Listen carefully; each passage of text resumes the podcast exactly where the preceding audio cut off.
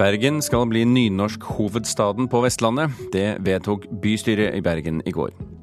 Det er ikke sant at folk over 40 år nå har tatt over NRKs ungdomsserie Skam. Det viser en ny undersøkelse fra NRK Analyse. Og Stavangers kunstmuseum kaster seg inn i kampen om turistene, og med på laget har de fått byens drosjesjåfører. Så skal du få møte Trond-Viggo Torgersen, som for tiden skriver et teaterstykke på tegnspråk. Og kan han tegnspråk? Nei. Bergen tar mål av seg for å bli nynorsk-hovedstaden på Vestlandet. Det gikk et samlet bystyre i Bergen inn for i går, etter et eh, representantforslag fra Venstre. Men allerede i dag vil de legge ned to av de fire skolene i byen der nynorskelevene er i flertall. Njål Nekkelmann fra Venstre tror likevel på bedre tider for nynorsken i byen. Jeg mener det er helt naturlig som, som, den største byen på Vestlandet. Nynorsk er viktig for, eh, for vestlendinger, og bergensere er i aller høyeste grad vestlendinger. Det står ikke på ambisjonene til Njål Nekkelmann for Venstre og bystyret i Bergen. I går gikk politikerne i byen, der 2% av skoleelevene har nynorsk som hovedmål, inn for at Bergen skal være nynorsk-hovedstaden. Mye av det kommunen gjør, kan man uh, sikre nynorsken uh, bedre på. Et stort flertall i bystyret gikk inn for at nynorsken skal styrkes, og at en viss prosentandel av skriftlig kommunal informasjon skal skje på målformer som bergensere flest ser på som sidemål. Jeg syns det er en eh, djerv og en flott uh, ambisjon. Ove Sverre Bjørdal fra Senterpartiet er en av få nynorsk-alibi i bergenspolitikken. Han mener bergenspolitikerne møter seg sjøl i døra. Det er for seint å ta vare på nynorsken når nynorsken har forsvunnet. For i dag, altså dagen etter at Bergen utnevnte seg sjøl til nynorsk-hovedstad, går det samme bystyret inn for å legge ned to av de fire skolene i Bergen, der nynorskelevene er i flertall. Det er jo det store paradokset, eh, at byrådet på ene sida vil eh, slå seg opp som at Bergen og fronter nynorsken er, men så på andre sida så tar han da løs på de to tyngste gjenværende skolene som har nynorsk. Nedlegginga av Riple skole i Fana og Haugland skole i Arna vil ramme 20 av nynorskelevene i Bergen. Byrådsleder Harald Schjelderup fra Arbeiderpartiet er positiv til at bystyret i går gikk inn for en styrking av Bergen som nynorsk by. Nynorsk er en viktig del av den både språklige historien, og det er viktig å eh, sørge for at også nye generasjoner som ønsker å bruke nynorsk, får anledning til det. Bystyret gjev han og byrådet ett år på å komme opp med en plan for hvordan nynorsken skal styrkes i byen, der jenter heter Jenten og aviser heter Avisen. Men byrådslederen mener at en ikke kan ta omsyn til målformer til elevene når en skal vurdere hva skoler som skal legges ned. Ja, men Det kan ikke være et argument eh, når man skal lage en eh, fremtidig skolestruktur. Sånn at eh, Det tror vi må se på som en litt adskilt debatt. Ove Sverre Bjørdal fra Senterpartiet deler ikke synet til byrådslederen. Det er jo et problem bl.a. i sentrum, der foreldre ber om å få nynorsk, men får det til dels vanskeliggjort fordi at det blir sand i maskineriet. Mens de derimot kunne fått valgt å gå på disse skolene som har skikkelige nynorskklasser, og sammensatt der miljøet er definert på nynorsk. Men kan en bruke da at en skole er nynorskskole som et argument for å videreføre drift? Absolutt. Reporter her, det var Sølve Rydland. Hilde Sandvik, mangeårig nynorskforkjemper, tidligere kulturredaktør i Bergens Tidende og nå leder for det felles nordiske nettstedet Broen XYZ. Hva syns du om at Bergen eh, har ambisjoner om å bli nynorskens hovedstad? Jeg tenker at det var jammen meg på tide. Eh, det har vært en veldig spesiell situasjon i Norge der det er Oslo som har vært nynorsk hovedstad med de store institusjonene, mens Stavanger og Bergen, som har det største nynorske omlandet, ikke har tatt ansvaret for, eh, for skriftspråket. Eh, så Sånn sett så er det en stor gledens, gledens dag og jammen meg på tide. Men hva må til for at de lykkes? Nei, altså, Nå, nå diskuterer skolenedlegging, og klart det har noe å si hva, hva du lærer deg til som barn. Eh, og jeg tenker at Noe av det som jeg håper at bystyret skal gå og kikke på nå det neste året, er hvordan skal en sørge for at barn i barnehager og skolen blir introdusert for nynorsk på et så tidlig tidspunkt at en faktisk kan bli et reelt valg. For sånn som situasjonen er i dag, når du først først møter nynorsk i ungdomsskolen, så er det rett og slett for seint, og mange utvikler et veldig dårlig forhold til, til, til det nynorske. Så, så, jeg tenker at selv om en ikke kan se på skolenedlegging i det perspektiv, så er en nødt faktisk til å sikre, sikre fundamentet i de aller tidligste årene. For det er da, det er da mm. holdningene skapes. Nå, nå har dette, disse, denne nedleggingen av disse to skolene, Riple og Haugland, det har åpenbart ikke noe med denne politiske avgjørelsen å gjøre. Men likevel, hva forteller det deg at, eh, at de nå legger ned to nynorskskoler samtidig som de velger å bli eh, eh, Vestlandets nynorskhovedstad? Altså Det er jo lett å si at den ene hånda ikke vet hva den andre gjør. Jeg vet ikke helt om en kan trekke den type konklusjoner. Jeg mener akkurat nå at det er viktig å se på det, altså symbolet hvor sterkt det er at Bergen faktisk går ut og sier det en sier nå. Eh, og noe av det som en kan se for seg i de årene som kommer, er at en faktisk òg får tydeligere nynorskinstitusjoner til, til byen. Ja, hvilke, eh, nynorske, hvilke nynorske institusjoner snakker du om da? Nei, altså Det er jo bl.a. det har vært snakket om i flere år å etablere et nynorsk teater eh, i Bergen. Et rent nynorsk teater. og Hordaland teater flytter nå til sentrum og kommer til å være et tydeligere eh, tyngdepunkt eh, i sentrum, som vil bruke nynorsk i en langt større utstrekning enn det en har sett. Og En kan òg se for seg at en kan ha andre institusjoner som, som, som flyttes, flyttes, til byen.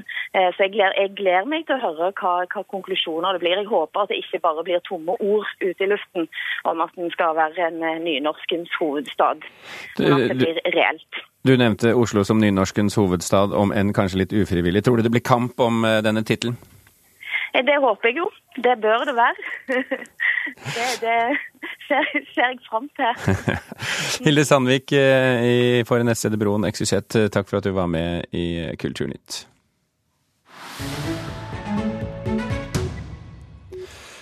TV-serien og nettfenomenet Skam har blitt så mye omtalt at eh, unge i det som er målgruppen til serien, til slutt mente at all voksenpraten om serien ødela for dem.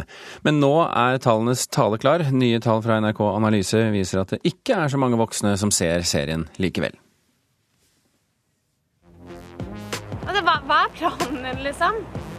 Skal du bare gå rundt i, i London og være drittsekk fordi broren din er så slem? Fordi dama di jugde til deg? Har du ikke hørt om TV-serien Skam, er du en del av en minoritet i Norge. Hele 87% av nordmenn kjenner nemlig til Nora, William og resten av tenåringene i serien. Det viser en ny undersøking NRK Analyse har gjort. Jeg kan ikke se deg gå rundt i den genseren lenger og tro at du skal bli sammen med William. Ungdomsserien har blitt hylla av de unge, men òg de voksne har kasta seg på. Jeg heter Kari Hansen Hangen, er 81 år gammel og jeg liker Skam.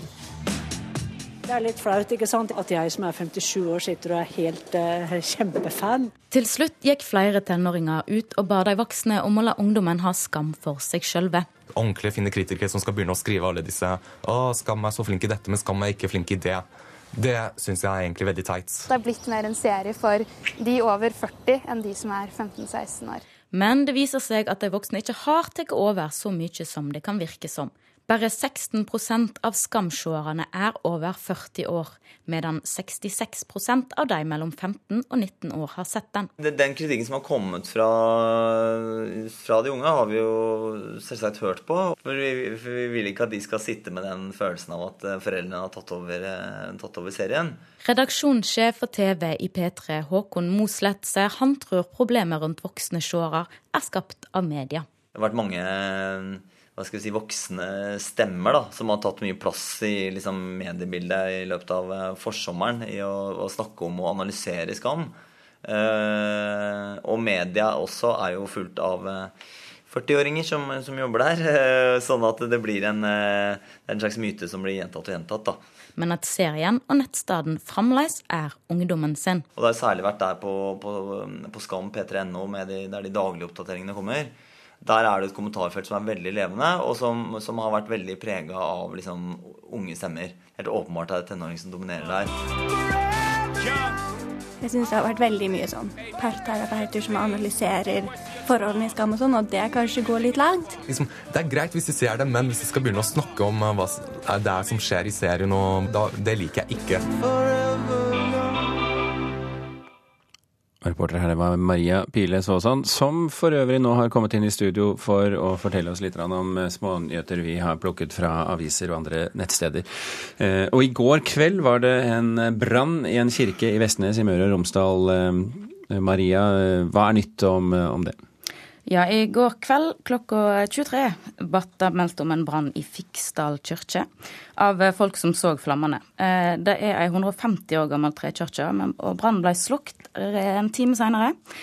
Um, Kirka har fått en del utvendige skader, men eh, det skal visst gå bra innvendig. Og vitnet fant ei bensinkanne attmed kirka, eh, og nå har politiet pågrepet en mann i 30-årene får vi hører høre utover dagen eh, hva slags tredjevaring det er snakk om her. Eh, Dagsavisen skriver i dag at i Israel så vil regjeringen bruke kunsten til å legitimere sin egen politikk. Hva er det for noe? Altså Det Dagsavisen skriver, er at de vil tvinge, altså regjeringen i Israel vil tvinge kunstnere til å samarbeide om okkupasjon på Vestbredden. Regjeringen har nye regler som sier at kunstnere, får, eh, kunstnere får kutt i statsstøtta om de ikke vil opptre på okkuperte områder på Vestbredden. Eh, musikeren Louise Kahn sier at hun tror dette bare vil skape protester, og at kunstnere allerede har sett seg på bakbeina. Internasjonalt så har mange kunstnere vært for å boikotte Israel for å vise støtte til palestinerne, og Kahn tror dette kan føre til nye sånne krav. Og så er det årets varslerdag i dag. Hva er det, og hvordan markeres den? Den, eh, I dag så blir det altså lansert en internasjonal underskriftskampanje for at eh, varsleren Edward Snowden skal få komme til Norge for å ta imot eh, Osietzky-prisen, som han blir tildelt av norske Penn for eh, sin innsats for ytringsfridom. Og kampanjen den blir kalt eh, da selvfølgelig hashtag Snowden to Oslo. Eh, og har bl.a. fått støtte fra den indiske forfatteren og aktivisten Arundati Roy og den amerikanske forskeren og aktivisten, og han har vel ymse andre roller òg, mm. Noam Chomsky. Eh, det er to varslere, Lisa Lang og Sian Westmore, og eh, de som, skal være på markering på Litteraturhuset i Oslo i dag. Maria Pilles Våsand, takk for at du informerte. Klokken er passert kvart over åtte. Du hører på Kulturnytt, og dette er toppsaken i Nyhetsmorgen nå. Politiet brukte over to år på å etterforske overgrepsbilder. I mellomtiden skal mannen som ble etterforsket, ha forgrepet seg på nye barn. Dopingjegere blir regelmessig forhindret fra å teste russiske utøvere. Det hevder verdens antidopingbyrå WADA i en ny rapport. Sverige innførte strengere grensekontroller, men de er lite effektive. Så langt i år har 15 000 personer kommet inn i Sverige, men svært få av dem ble fanget opp av grensekontrollen. I Stavanger hiver Kunstmuseet seg nå inn i kampen om turistene. Som vi hørte i Kulturnytt i går, norsk kulturliv har ikke klart å utnytte potensialet i trenden med kulturturisme, og nå sier NHO Reiseliv at det er de offentlige kulturinstitusjonene som har lengst vei å gå. I Stavanger bruker Kunstmuseet byens drosjesjåfører som ambassadører. Vi anbefaler den, plass, ikke sant? Dette er turist, den store båten, altså. vi kjører bort der på, på kunstmuseum. Drosjesjåfør Thomas Salava i Stavanger Taxi er nyfrelst ambassadør for byens kunstmuseum. Det ligger egentlig i park. Det er veldig rolig plass. Jeg kan anbefale. 26. mai var Salava en av 25 sjåfører som takket ja til frokost på Stavanger kunstmuseum. Og der var også Mesot Demirel. Altså det hjelper oss med å vite hvor de er, de forskjellige museene i Stavanger. Det er sånn sett veldig nyttig, synes jeg. Så det er mange som blander det òg.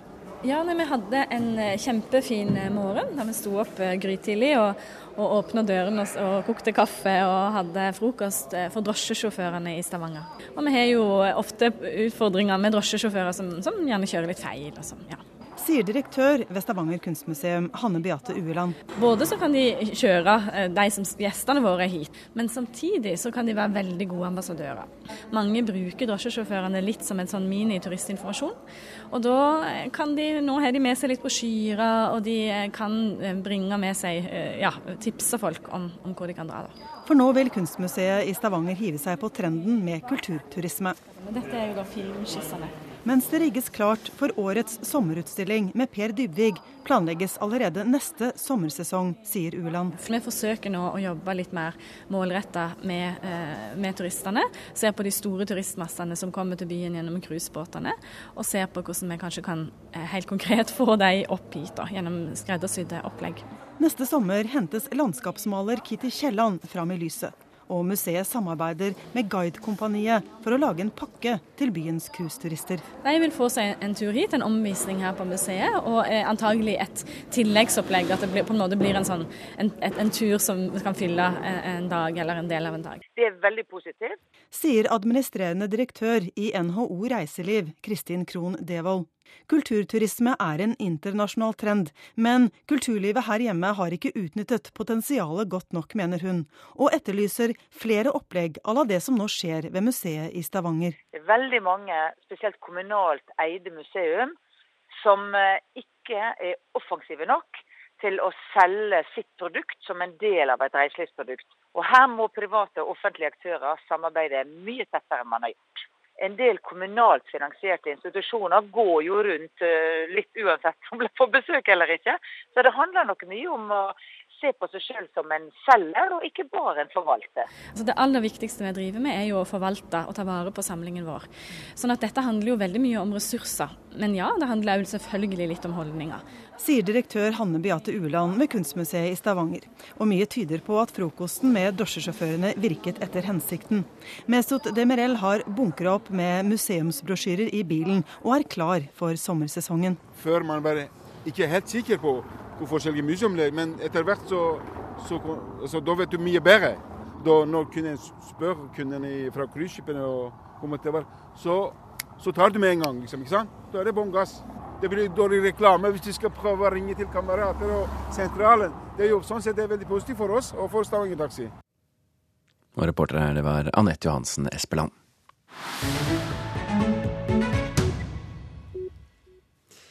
I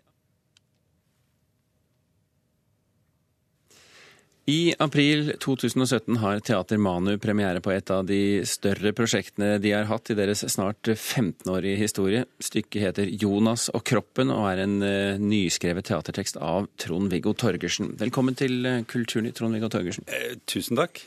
Du så ikke hva jeg gjorde for tegn nå, selvfølgelig? jeg forestilte meg at uh, å gjøre noe av dette på tegnspråk hadde vært interessant på radio. Ja, det er det, det er det som er så spennende, for nå får vi et teaterstykke som det går an å se som hørende, men som man ikke skjønner så mye av hvis man ikke får talt lyd ved siden av, og det skal legges på. Så det er altså et stykke som blir fremført med bevegelser? Ja, og tegnspråk. Og, og, tegnspråk. og veldig mye animasjoner og litt sånn trylling og ganske mye effekteri i salen. Lukt, f.eks. Det er jo en ny ting i norsk teater. Så her blir de hørende de handikappede, rett og slett? Ja, hvis det er det det heter. Hvordan kom dette i stand? Det var Teater Manus som kom til meg og sa går det an å gjøre en historie om kroppen, hvor man kan liksom være inni kroppen samtidig som man er utenfor den. Og så har jeg skrevet et stykke om en gutt som er i ferd med å bli ti år, og som eh, opplever ting inni kroppen hvor eh, det skjer mye grusomt, eh, og så går det bra til slutt, selvfølgelig. Hva slags grusomheter snakker vi om? Det er Kroppen min satt veldig på prøve av at den får vaksine og blir, får omgangssyke samtidig. Det kan man lure på hvordan går. Og så blir han utsatt for en ulykke som er svært traumatiserende for han. Um, du ble jo kjent for det norske folk for lenge siden med programmet Kroppen min. Mm. Um, er det en måte å slutte sirkelen på, på sett og vis? Ja. Jeg har ikke tenkt å ta livet av karrieren din etter dette. Nei, altså, nei, nei, nei, eh, det lover jeg deg. Det klarer du ikke så lett. Eh, jeg tror det er Skal ikke forsøke heller. Eh, på en måte så er det at noe biter seg selv i halen. Jeg har liksom begynt å undervise på medisin for tre år siden, i kommunikasjon. Og det er jo en måte for meg å kombinere to alvorlige ting i livet mitt på. Med lek og med ungdom. Og det samme prøver jeg nå, da, å ta den kunnskapen jeg har å forenkle historien om kroppen til en, en, en, en, dramatisk eventyrfortelling på et vis, samtidig som jeg skal gjøre det på et språk som jeg absolutt ikke kan, nemlig eh, tegnspråk. Og nå skal det også være en amerikansk skuespiller fra, fra New York som kommer til å ha hovedrollen, som heter Daniel. Og han jeg truffet i dag. og han snakker jo da amerikansk tegnspråk. Så da hadde vi to tolker minst. Det var altså like mange ikke-hørende i det rommet som det var hørende. Og det var utrolig morsomt, men veldig surrealistisk. For meg, da. ja. Man kan jo se for seg at det er eh, et, hva skal vi kalle det, et komisk potensial her. Og du har jo eh, i store deler av din karriere i hvert fall eh, drevet med veldig mye tøys og tullball og moro. Mm. Blir det det her òg? Eh, det er noe som det er lett å tøyse med, fordi at eh, tøyset ligger i det fysiske. Men jeg oppdaget underveis mens jeg skrev dette her, at alle de vitsene jeg skrev på norsk, ikke kommer til å bli så morsomme på tegnspråk. Eksempel hadde en vits om blindtarm. Og tegnet for blindtarm er jo så komplisert, og blind tarm er jo ikke så gøy for de som ikke ser, men det er heller ikke så gøy for de som ikke hører. Så, og det er heller ikke så gøy når det blir oversatt til et annet språk. For dette er jo et, et uh, stykke som skal på turné utover Norge også, så det, er, det, er, det, må liksom være skrevet litt internasjonalt. Og det gjør det jo dobbelt vanskelig. Dessuten så har jeg oppdaget at man kan jo ikke si noen ting på tegnspråk hvis man har noe i hendene. Det gjør jo noe med regien også plutselig, at man må gi fra seg det man har i hendene på en naturlig måte i forhold til fortellingen. Og, og, det er klart at jeg fniser underveis når jeg skriver dette her, men jeg tror ikke akkurat det blir det morsomme med teaterstykket. Så det står igjen å legge på en del humor som, eh, som man oppdager mens man har regien på dette. Hva har du lært? Jeg har lært at det er veldig vanskelig å finne et fellesskap som fungerer i en teatersammenheng, eh, men også at det går an å innføre noe i et tegnspråkteater som ikke har vært der, nemlig mye mer animasjon, mye mer en annen verden som samtidig er der og ikke er der. Og det, En sånn type trylling har de vel ikke hatt i, i denne produksjonshistorien uh, ennå. Det er altså premiere i april 2017. Teater Manu er det som setter opp, og det er eh, i Oslo. Trond-Viggo Torgersen, eh, du har litt å pusle med den kommende tiden. Det lover jeg deg. Lykke til med det. Takk for det. Det tilhører kanskje sjeldenhetene å ha premiere på to filmer samtidig, selv om den ene er en kortfilm, men det er akkurat det den unge Henrik Martin Dalsbakken har gjort. Og til tross for at han bare er 27 år gammel, så har han godt grep på sine gamle skuespillere, mener vår anmelder Einar Gullvåg Staalesen. Henrik Martin Dalsbakken er 27 år. Han har investert seg selv i lavbudsjett og gratis kortfilmproduksjon siden han var 20. I fjor ble han nasjonalt synlig da han nesten uten penger laget Å vende tilbake. Den ble vurdert som en av Norges mulige Oscar-kandidater. Den er en ung film med tunge tanker i vakker og dramatisk natur. 27-åringen lager gjerne filmer om død. De to premierefilmene hans denne helgen handler begge om døden som en del av livet. De er vakre, begge filmene. Begge historiene har han skrevet sammen med Camilla Krogsveen. Nei det... Ja, hvorfor ikke? Nei, nei, usch, ta bort ham. I den korte er Stein Winge og svenske Jan Malmsjø gamle skikamerater med skuffen full av medaljer og massevis av minner som samtaleemne. De ble samboere, de to. Vi forstår at den ene vil bli borte snart. Takk for turen er tittelen.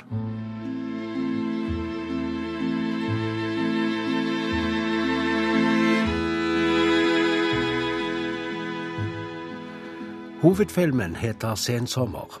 Der er Bente Børsum norsk forfatter i Frankrike, som kun er kjent som sitt pseudonym og bare på fransk.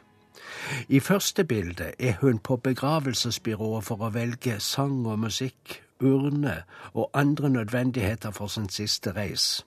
Også avtale om hvor asken skal strøs. Men neste dag kommer to norske ungdommer til det herskapelige, men slitne huset hennes. På motorsykkel, av gammel modell. Og nå er de der fordi tanken er tom. Are you American? No. No, we're Norwegian. Oh, it's very cold. Yeah, in the winter at least. Have you ever been? Yeah, when I was young. Det var akkurat slik hun selv kom dit for mange år siden. Vi leker med tanken om hva som er virkelig her, og hva som er illusjoner og erindringer, og liker forvirringen det skaper at alt er så fysisk. Bente Børsum er Amanda-nominert for hovedrollen. Det er spennende. Det er 17 år siden hun sist spilte i en kinofilm. De siste årene har det vært mest TV. En av Henrik Marten Dalsbakkens gode egenskaper er at han vekker tillit hos fine og erfarne skuespillere. I Å vende tilbake var det Inger Helge Gimle som tok hovedrollen nærmest på dugnad. I Takk for turen bærer Stein Winge det meste. I Sensommer er det Bente Børsum. Rollene betyr spesielt mye, slik Dalsbakken formulerer sine historier. Han har sterke evner selv til å fortelle gjennom stemninger, til å fylle bildene med informasjon og tanker, og til å høre hvordan musikk klinger til tid og sted og handling. I've got a guest room upstairs.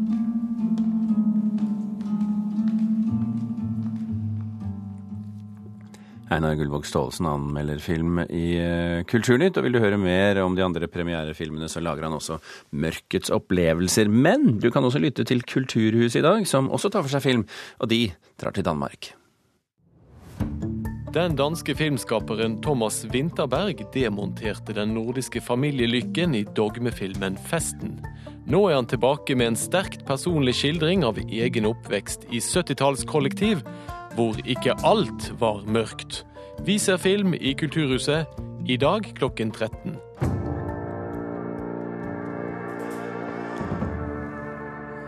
Og før den tid så blir det nyheter utover eh, formiddagen her på eh, Alltid nyheter og delvis også NRK P2.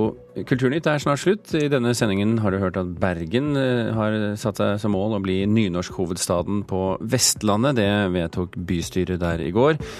Og så er det ikke sant at folk over 40 år har tatt over NRKs ungdomsserie Skam. Det viser en ny undersøkelse fra NRK Analyse.